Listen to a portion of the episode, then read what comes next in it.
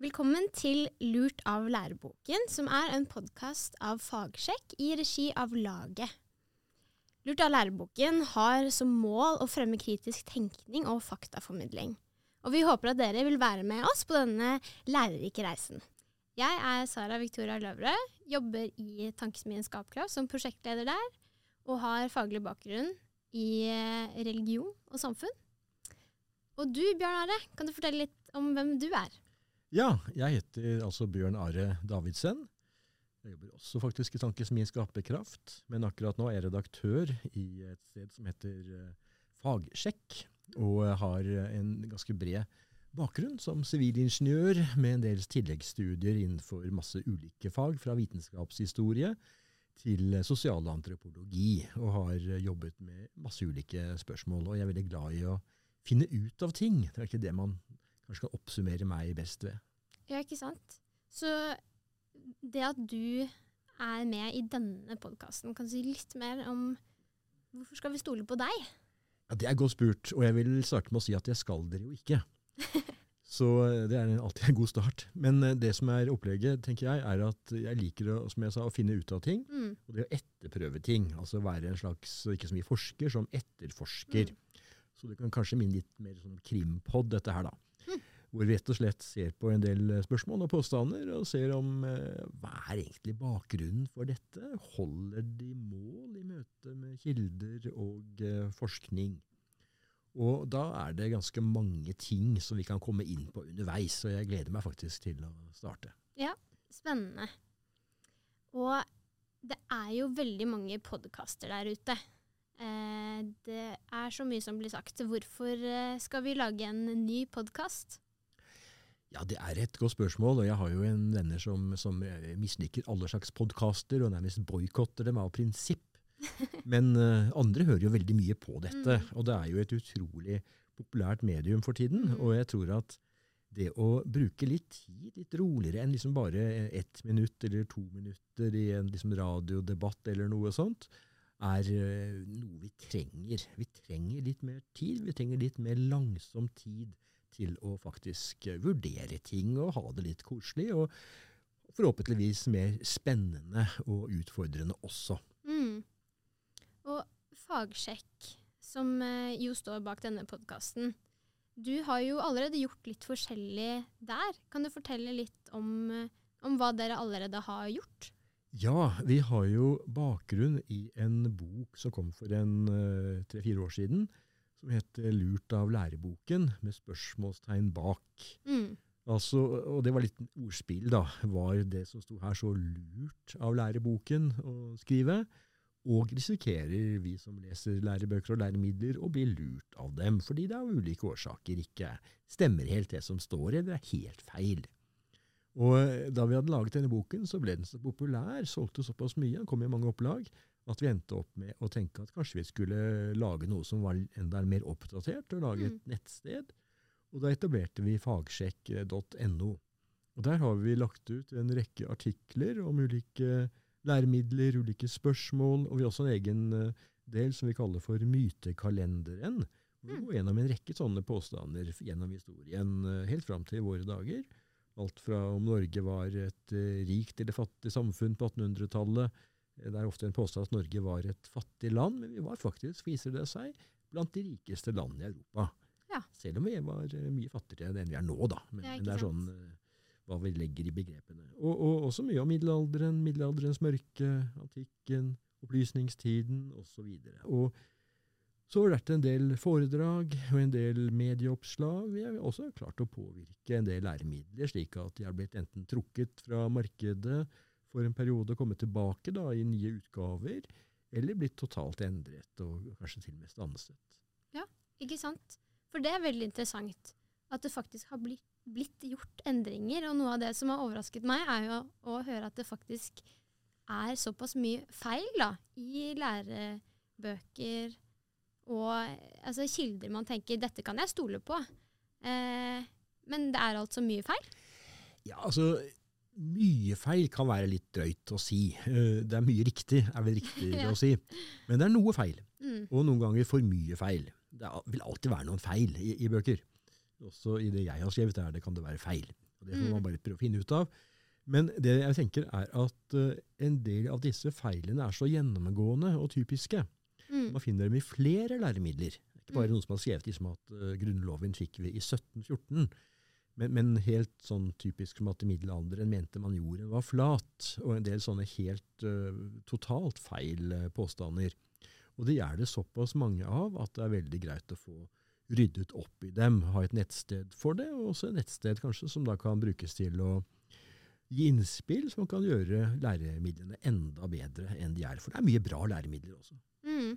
Ja, det er jo godt å høre. At det er mest riktig, også noen, noen feil.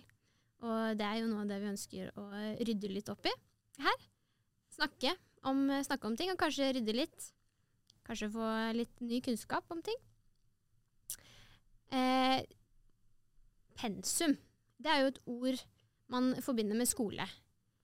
Eh, men denne podkasten, tenker du at er det bare de som er i skolen som skal høre på denne her, eller er det noe for alle og enhver? Jeg tenker at alle og enhver har en uh, fortid, eller nåtid, i skole. Mm. Og at det rett og slett er sånn at man uh, dermed har fått med seg mange ting. Og, og mange leser også populær vitenskap i dag, mm. ser på TV, History Channel, Discovery Channel osv. Og, så og følger med på YouTube og, og, blogger og Facebook og TikTok og hva det måtte være som mm. fortsatt er lov. Uh, og som da rett og slett uh, kan ha snappet opp mye greier som det viser seg ikke, det ikke hold i. Og jeg tenker at Dermed så er målgruppen eh, bred, kanskje altfor bred. Mm. Men vi får prøve oss litt fram her og se hva det er som vi faktisk uh, får til. Mm, ikke sant. Men er det noen uh, som særlig burde lytte til denne podkasten? Altså jeg, jeg, tenker at de som har et ansvar for å formidle ting ja. Det kan være lærere, mm. det kan være foreldre, det kan være lærebokforfattere, forlag rett og slett kan være muligens den viktigste målgruppen. Mm. Men, men, samtidig er det jo sånn at dette med påstander eh, og store overskrifter, kanskje litt sånn tabloide ting rundt historie, er det, er, er det kanskje møter mest av hvis jeg er på sånne kiosker, Narvesen og sånn. Så er det et mm. sånn bred, mange flere meter iblant, med blader om historie. Ja om liksom fortidens myter og de store byene, og hva skjedde egentlig i romertiden og middelalderens mørke og det ene etter det andre, og spesielt mye om andre verdenskrig og sånt. da. Mm. Jeg vet ikke om vi skal vi rekker å komme inn på andre verdenskrig i løpet av denne podkastserien, men kanskje det også etter hvert. Ja, Vi får se. Ikke sant. Men altså, vi snakker om lærebøker og uh, populærlitteratur og alt dette. Hvorfor skal lytterne stole på det du sier? fremfor det som står da i lærebøkene. Du kommer jo fra ditt ståsted, og hvorfor skal vi stole på deg og i stedet for eh, disse andre, da? Ja, Det er utrolig gode spørsmål. Og eh, som jeg tror jeg sa i starten, så skal man jo ikke stole på meg. Nei, sant. Altså, man, man, må prøve å etterprøve det jeg sier. da. Men jeg ønsker å gjøre en såpass god jobb med å etterprøve ting mm. selv at uh, i hvert fall kanskje rydde litt vei. da. Mm. Så får man se om det jeg har gjort, holder. Men jeg har hatt et engasjement fra jeg var guttunge. Uh, jeg ble lurt, for å bruke det ordet, da jeg mm. var sånn rundt ti år, av sånn ancient aliens, altså troen på at, eller påstanden om at pyramider og annet er bygget av folk fra verdensrommet. Eh, da var det som et Erik von Deniken, som var veldig sånn stor på den tiden. Og det tok meg flere år før jeg plutselig skjønte at oi, han hadde jo ikke peiling i det hele tatt. Mm. Det han sa, var stort sett bare tull. Og det har gjort meg litt sånn allergisk mot uh, påstander, kanskje overkant allergisk, slik at jeg har lettere for å si at nei, det kan ikke stemme, og så begynner jeg å undersøke. Mm. Så oppdager jeg at min skrekk at noe av det faktisk stemmer. Så det må jeg bare bøye meg for, da. Mm. Men uh, veldig mye stemmer ikke. Mm. Og, og, enten gjelder da altså utenomjordiske eh, som har besøkt jorden og, og bygget pyramider og det ene etter det andre, eller det handler om rett og slett hva som har skjedd i historien. Mm. Og uh, spesielt mye av det siste er det vi finner da i, i læremidler. Ja, Feil i historieformidling? Ja, og, og sånn, feil i, påstand, i, altså i formidlingen av hva som faktisk foregikk i ulike perioder av historien. Og ikke bare eller eh, kanskje vel så mye som det er sånn direkte feil, så er det skjevheter, det er utelatelser, det er vinklinger som gjør at man får et feil inntrykk av hva som faktisk foregikk i ulike perioder. Mm. Og selv om det som sies i og for seg kan være riktig, eller i hvert fall ikke er helt feil, så, så, er det såpass unyansert og ensidig at det kan rett og slett ende med at folk får et inntrykk av f.eks. som jeg har vært inne på, at middelalderen var uh, omtrent bare mørk, selv om læremidlene ofte sier at, ikke, uh, at det er overdrevet at middelalderen mm. var mørk. Men så ser man på hva de så sier om middelalderen, og oppdager at oi, der ville jeg ikke likt å være. Nei, ikke sant.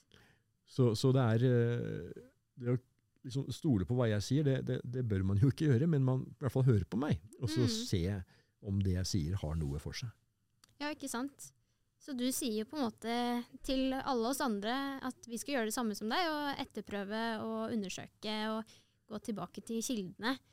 Og dette med Det her handler jo om kritisk tenkning, eh, som er jo noe av det vi vil fremme i denne podkasten her. Og kan du fortelle litt om hvordan, hvordan kan vi gjøre det? Hvordan kan vi bli bedre på kritisk tenkning? Ja, Det første er jo å tenke over hvor er det jeg skal være kritisk. Mm. Vi har på en måte fått noen sånne områder hvor vi alle skjønner at man bør være kritisk overfor påstander knyttet til politikk eller religion eller uh, livssyn. Så er det liksom ikke noe man godtar uten videre. Eller man møter noen selgere på gata, eller noen som skal liksom prakke noe på deg. Så, så, og da er det opplagt at vi trenger kritisk tenkning. Og så er det jo sånn at vi møter med hva som står i en del læremidler, populærvitenskap, vi møter i TV-serier på YouTube, så er ikke denne kritiske tenkningen like uh, umiddelbar for oss. Vi, vi, måtte bare, mange i hvert fall, altfor mange, bare lente seg tilbake og koser seg og nyter mm. liksom disse her uh, påstandene man kan komme borti, enten det handler om ting som noen vil tenke er konspirasjonsteorier, eller i hvert fall veldig dårlig begrunnet i, i fakta.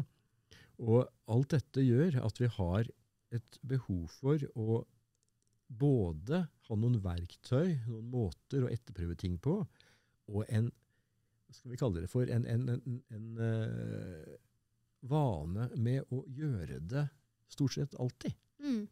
Uten at det blir, bare blir slitsomt. da. Ja, Hvilke verktøy er det snakk om? Ja, Det er verktøy som handler om f.eks. Hva er kildene til det som blir sagt? Mm. Uh, og vi kommer tilbake til eksempler på det senere i dag, men det er jo ikke så uvanlig at ting bare påstås, og så blir det konstruert en eller annen mening, da, kanskje for 100 år siden, og så blir mm. den hengende som om noe som er sant om noe som skjedde for 1000 år siden. Hvor det ikke er noen kilder til det for 1000 år siden, men bare noen, en dikter kanskje, fant på noe for 100 år siden. Og så blir det dessverre av og til noe som kommer inn i læremidler og blir en vedtatt sannhet. Og så kan denne bli brukt til å kanskje kritisere andre som står for noe annet, uten at denne sannheten faktisk er sann. Mm. Så, og så er det en annen tendens da, som er, er, viktig å være klar over, nemlig at vi må også se på hvem er det som er avsender for det budskapet eller den påstanden som vi hører. Mm. Men det er også en grøft, for det er veldig fort gjort at man i stedet for å etterprøve kilder, så bare sjekker man hvem som har kommet med påstanden. Og hvis man ikke liker den personen, eller ikke har tiltro til det miljøet, eller det, det stedet som dette kommer fra, den, den med, det mediet altså Om det er liksom stor såkalt mainstream media som har noe, så vil noen mislike det. Og er det liksom sånn media på siden av vanlige media, så vil noen mislike det, mens andre vil omfavne det.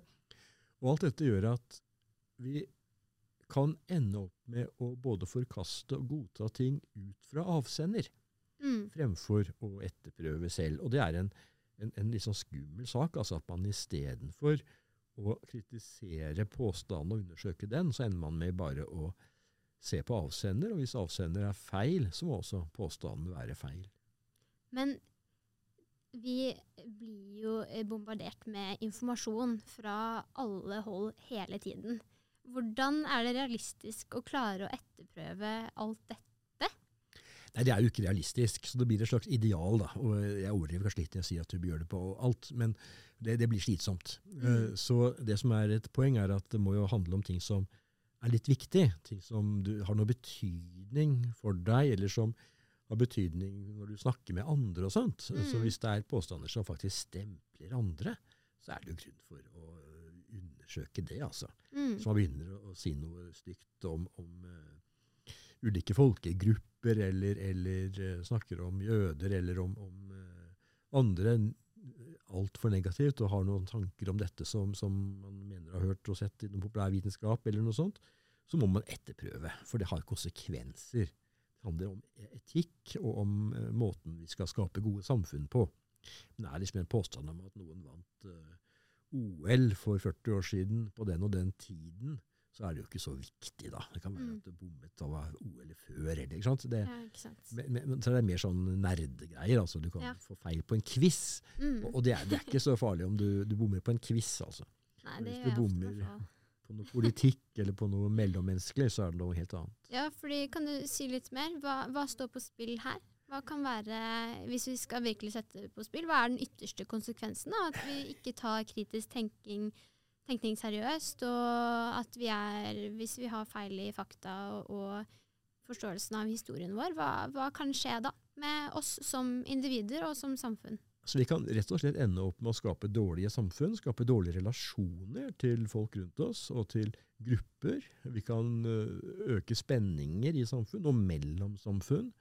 Og vi kan redusere samfunnstilliten, tilliten til politikere og andre, samtidig som vi da ikke venner oss til å stille kritiske spørsmål til politikere og autoriteter, kanskje, på, på, som vi burde gjøre. Mm.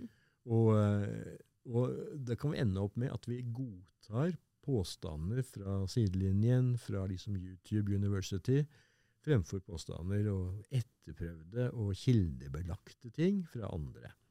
Og det kan være også sånn at det man finner på YouTube, kan være bra.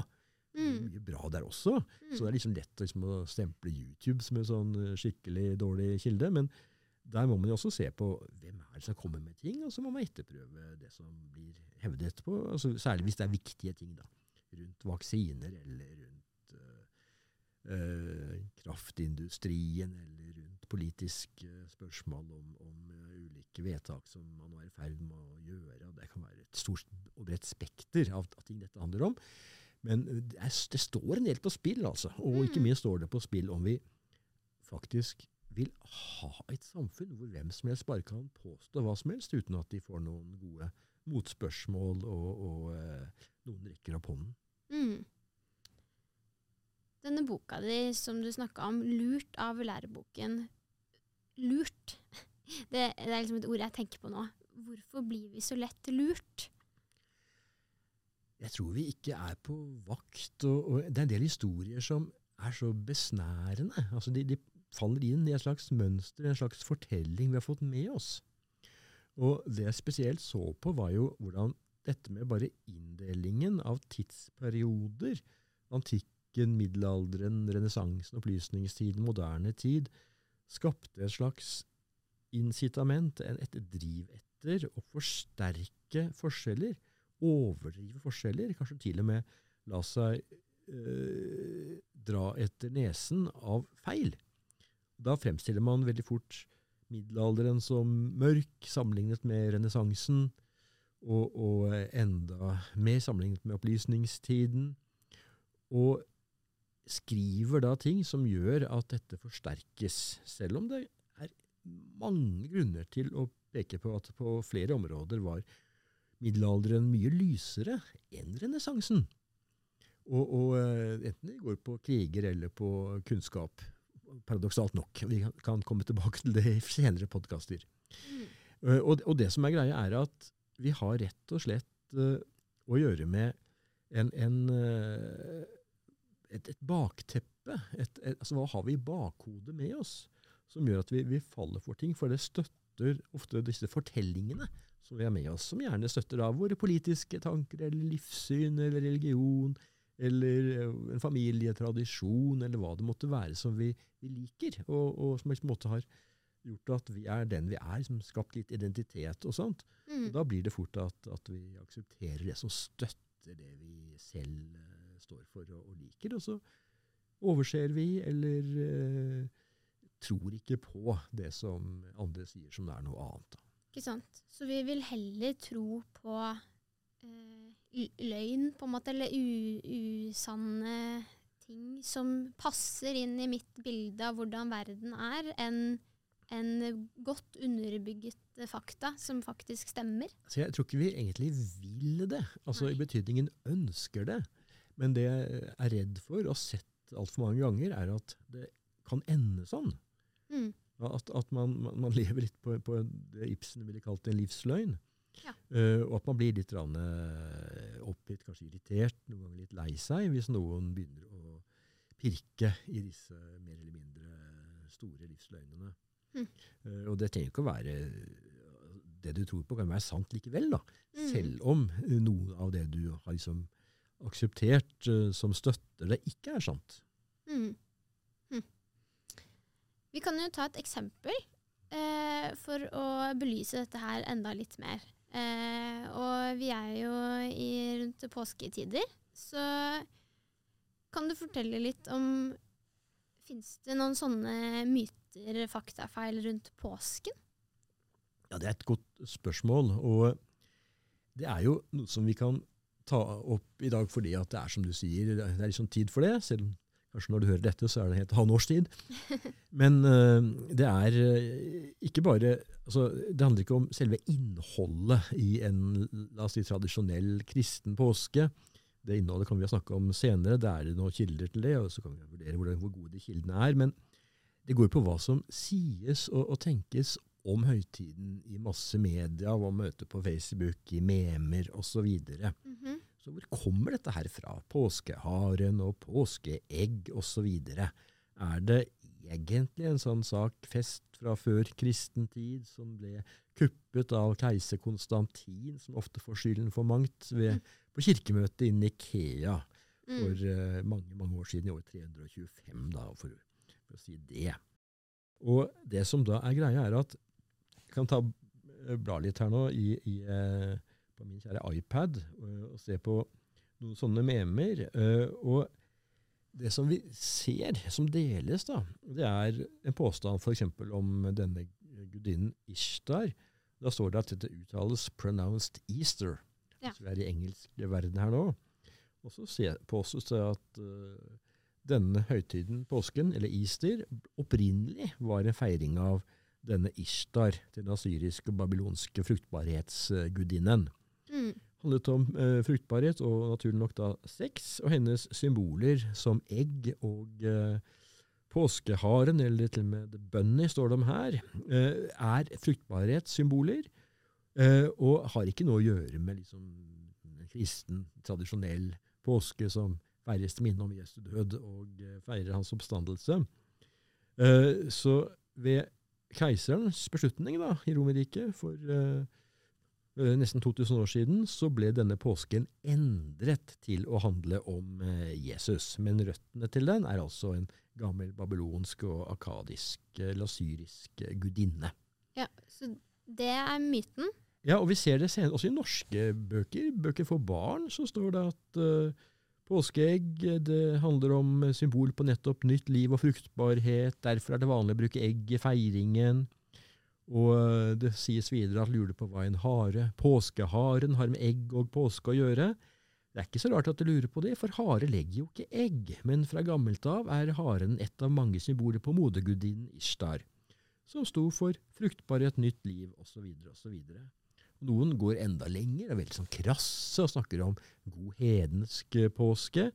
Mange tror påsken er kristen, det er kun oppspinn. Nei da, dette stammer fra disse gamle hedenske skikkene.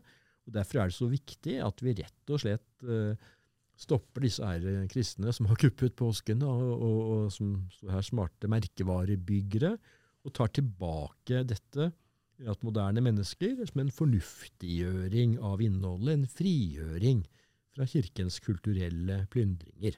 Ikke sant. Men hva er Er det sant? Eller hva er, eh, hva er fakta her, da? Ja, og, og, det er et godt spørsmål, og det, da er det føler seg naturlig opp uh, til det vi har tatt opp som uh, eksempler før her. Nei, det er ikke sant. Hvorfor det?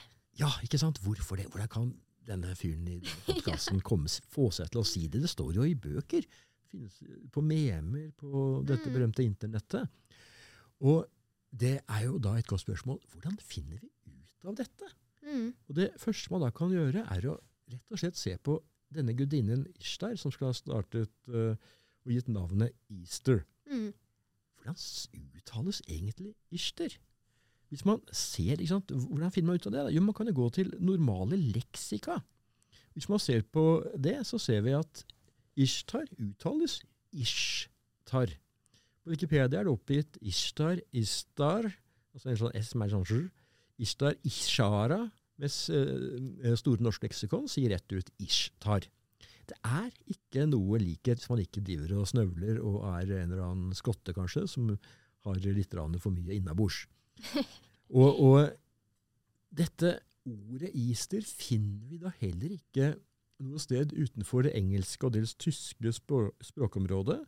Muligens er det navnet på bare en årstid, uh, hvor solen står opp rett i øst. og Dermed har man øst, oster på tysk, og east på engelsk, og da blir det easter. Mm. Og, og, det er noe vi ser i alle de andre språkene i Europa, så er det helt på tvers. Etter man er Ungarn eller Portugal eller Norge eller Finland, så er det basert på den jødiske festen Pesach, som da har gitt navnet påske. Mm. Og det vi også da ser, hvis vi begynner å undersøke hva er egentlig bakgrunnen for denne gudinnen, da? Uh, Eostre, som har gitt navn liksom til Eller i, i Ishtar og Eostre, for Eostre er mer nærliggende i England. Uh, Eostre er en gudinne man finner omtalt bare ett eneste sted, hos en engelsk munk på 700-tallet som heter Beda, i en bok han skrev om hvordan man skal kalkulere datoen for bl.a. påsken. Og han har da en spekulasjon på, eller påstand om dette kommer fra gudinnen, altså navnet på høytiden i England kommer fra gudinnen Eostre. Men man har ikke noe andre belegg for at en slik gudinne har eksistert. Nei. Uh, og uansett så var jo påskefeiringen veldig mye eldre enn når man begynte å kalle dette for Easter i England. Mm. Den er jo rett tilbake til 100-tallet. Mm. Og denne gudinnen Ostara, som man ofte da kan referere til istedenfor Eostre, og som er en sånn da tysk uh, gudinne, førkristen gudinne, sies det, viser det seg stamme fra en tysk eventyrforteller, eventyrsamler, nemlig Jakob Grim. Den er ikke belagt eldre enn 1835. Mm. Og da har vi et eksempel på en veldig tynn kilde og en, et moderne påfunn og et ordspill som ikke går opp at Ishtar skal være bakgrunnen for Easter. Det er ostre som da enten er en årstid eller en navnet på en, en, en gudinne i, i, det anglosaksiske området, men som da uansett ikke har noe som helst å gjøre med bakgrunnen for den kristne påsken. Og som mm. da Store norske leksikon også sier, så er det veldig mye mer sannsynlig at forestillingen om at disse har noe å gjøre med påske, kommer av den kristne påsken. Altså at man i moderne tid har hatt et slags ønske om og behov for å finne en annen tradisjon, fordi påskefeiringen er såpass koselig blitt det etter hvert, med fjellturer og påskekyllinger osv., at man da rett og slett har hatt et ønske om å, å frigjøre seg fra en, en kristen høytid og finne noe man opplever deg mer autentisk. Og, og det, jeg skjønner det behovet, men det gjør det ikke til noe som likevel da stemmer med, med kildene. Mm. Men siden, som du sier at uh, ja, folk vil ha eh, et grunnlag for å feire påsken litt sånn som man vil. Uh, men jeg tenker, altså de fleste feirer jo bare påsken sånn som man vil. Det er jo de færreste som feirer det som en, uh, som en religiøs høytid. Det handler jo om Kvikk Lunsj og kyllinger og ski og og brilleskille. Eh, men ja, så hvorfor, eh, hvorfor, har det noe å si, liksom? Å, eh, å vite hvor det kommer fra, når det ikke påvirker hvordan jeg feirer nå uansett? Ja, jeg har jo selv bakgrunn fra brilleskille og påskeskirenn. Og jeg har en rekke diplomer hjemme fra mine tredje- og fjerdeplasser i påskeskirenn. Ja, til og med vant jeg et år. okay. eh, men, men dette, om, om, man er god i rebusløp og sånt, det er liksom noe annet enn mm. om man treffer på, på, på disse kildene. Altså, jeg vil si at det har betydning på den måten at som jeg var inne på i stad, at noen bruker dette til liksom, å, å, ønske å fordømme denne kristne kirken, som da har liksom kuppet en opprinnelig påske. Mm. Og at det er på tide at fornuften tar over, at man liksom tar dette tilbake fra noen som har stjålet noe. Og sånt skaper jo, eller forsterker fordommer. Mm. Det trenger vi jo ikke noe mer av i dagens uh, samfunn. Mm. Så er det jo greit da, å vite litt grann, sånn allmennkunnskap om hva er egentlig bakgrunnen. Og, og, vi ser jo det samme her, også sånne ting som påskeharen og som du nevnte, påskekyllinger og påskeegg og sånn, at dette er også ting som faktisk, til tross for hva man kan lese i aviser og kanskje på YouTube da, eh, i dag, eh, ikke har noe med noe førkristent å gjøre. Det er ikke sånn at påskeharen har røtter tilbake til noen babylonske gudinner. Den finnes for første gang omtalt i tysk eh, Altså på tysk på 1600-tallet. Slutten av 1600-tallet. Først kan vi høre om påskeharen.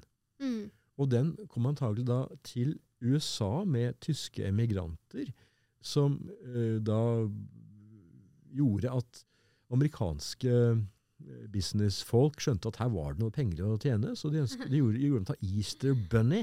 Litt mer sånn koselig. Og dette med eh, Bakgrunnen for det er antagelig at harer i Tyskland, i Nord-Europa, var ofte ute og veldig synlige i mars.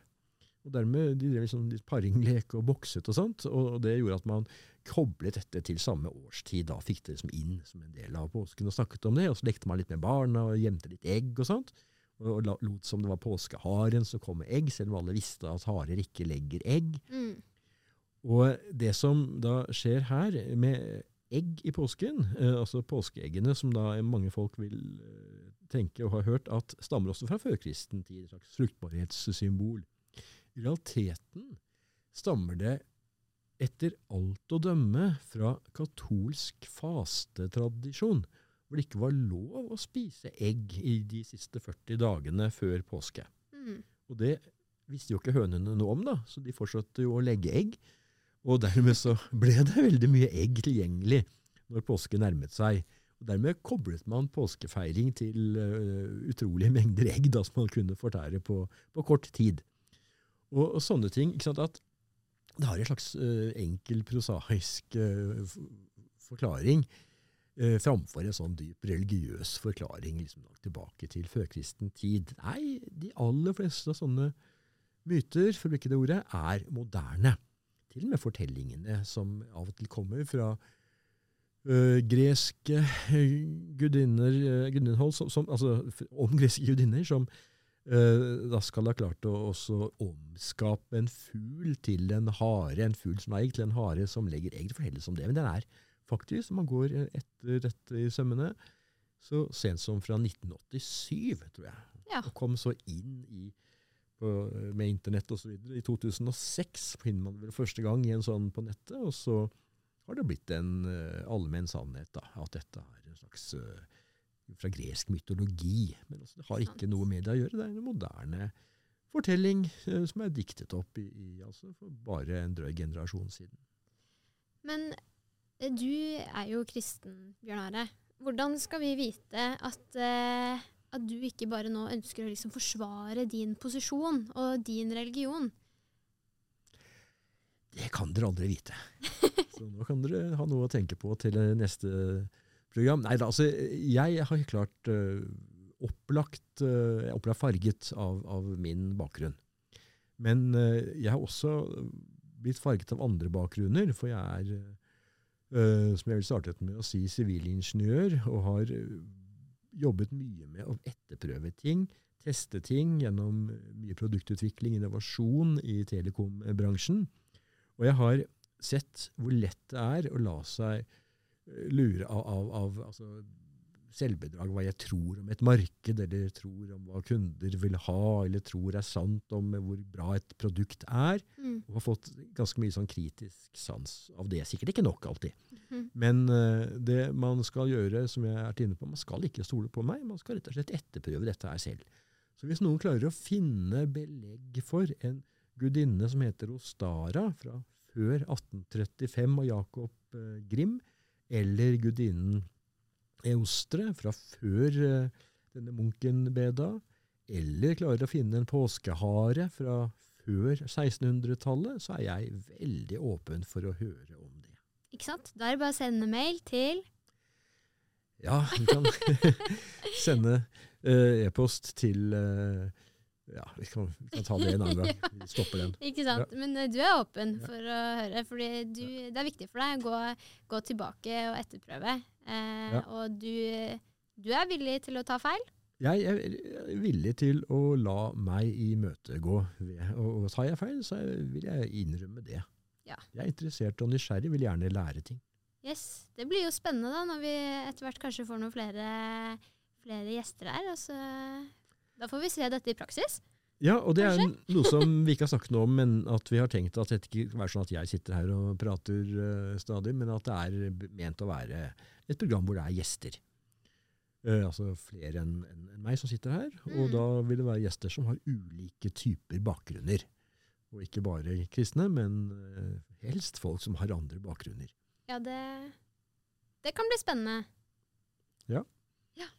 Og, og, ellers sånn uh, om, om podkasten. For, for, veien videre. Er det stort sett høytider, høytider vi skal snakke om, eller? Nei, det er det ikke. Dette var bare siden vi nå er i en høytid. Eh, men eh, det, eh, jeg nevnte jo én myte i dag, dette om at man i middelalderen trodde jorden var flat. Ja. Hvis ting går etter planen, så vil det være gjenstand for neste episode. Og er vi heldige nok, så får vi med oss også en fra Human-Etisk Forbund til å snakke, med oss om, om, snakke sammen med oss om, ja. om dette. Det blir spennende. Ja, vi får se. Ja. Takk til alle dere som har vært med på første episode av Lurt av læreboken. Vi håper dere vil være med på denne reisen videre. Eh, dere kan gjerne sjekke ut Fagsjekk på sosiale medier og fagsjekk.no. Følg med for eh, de neste episodene og mer info.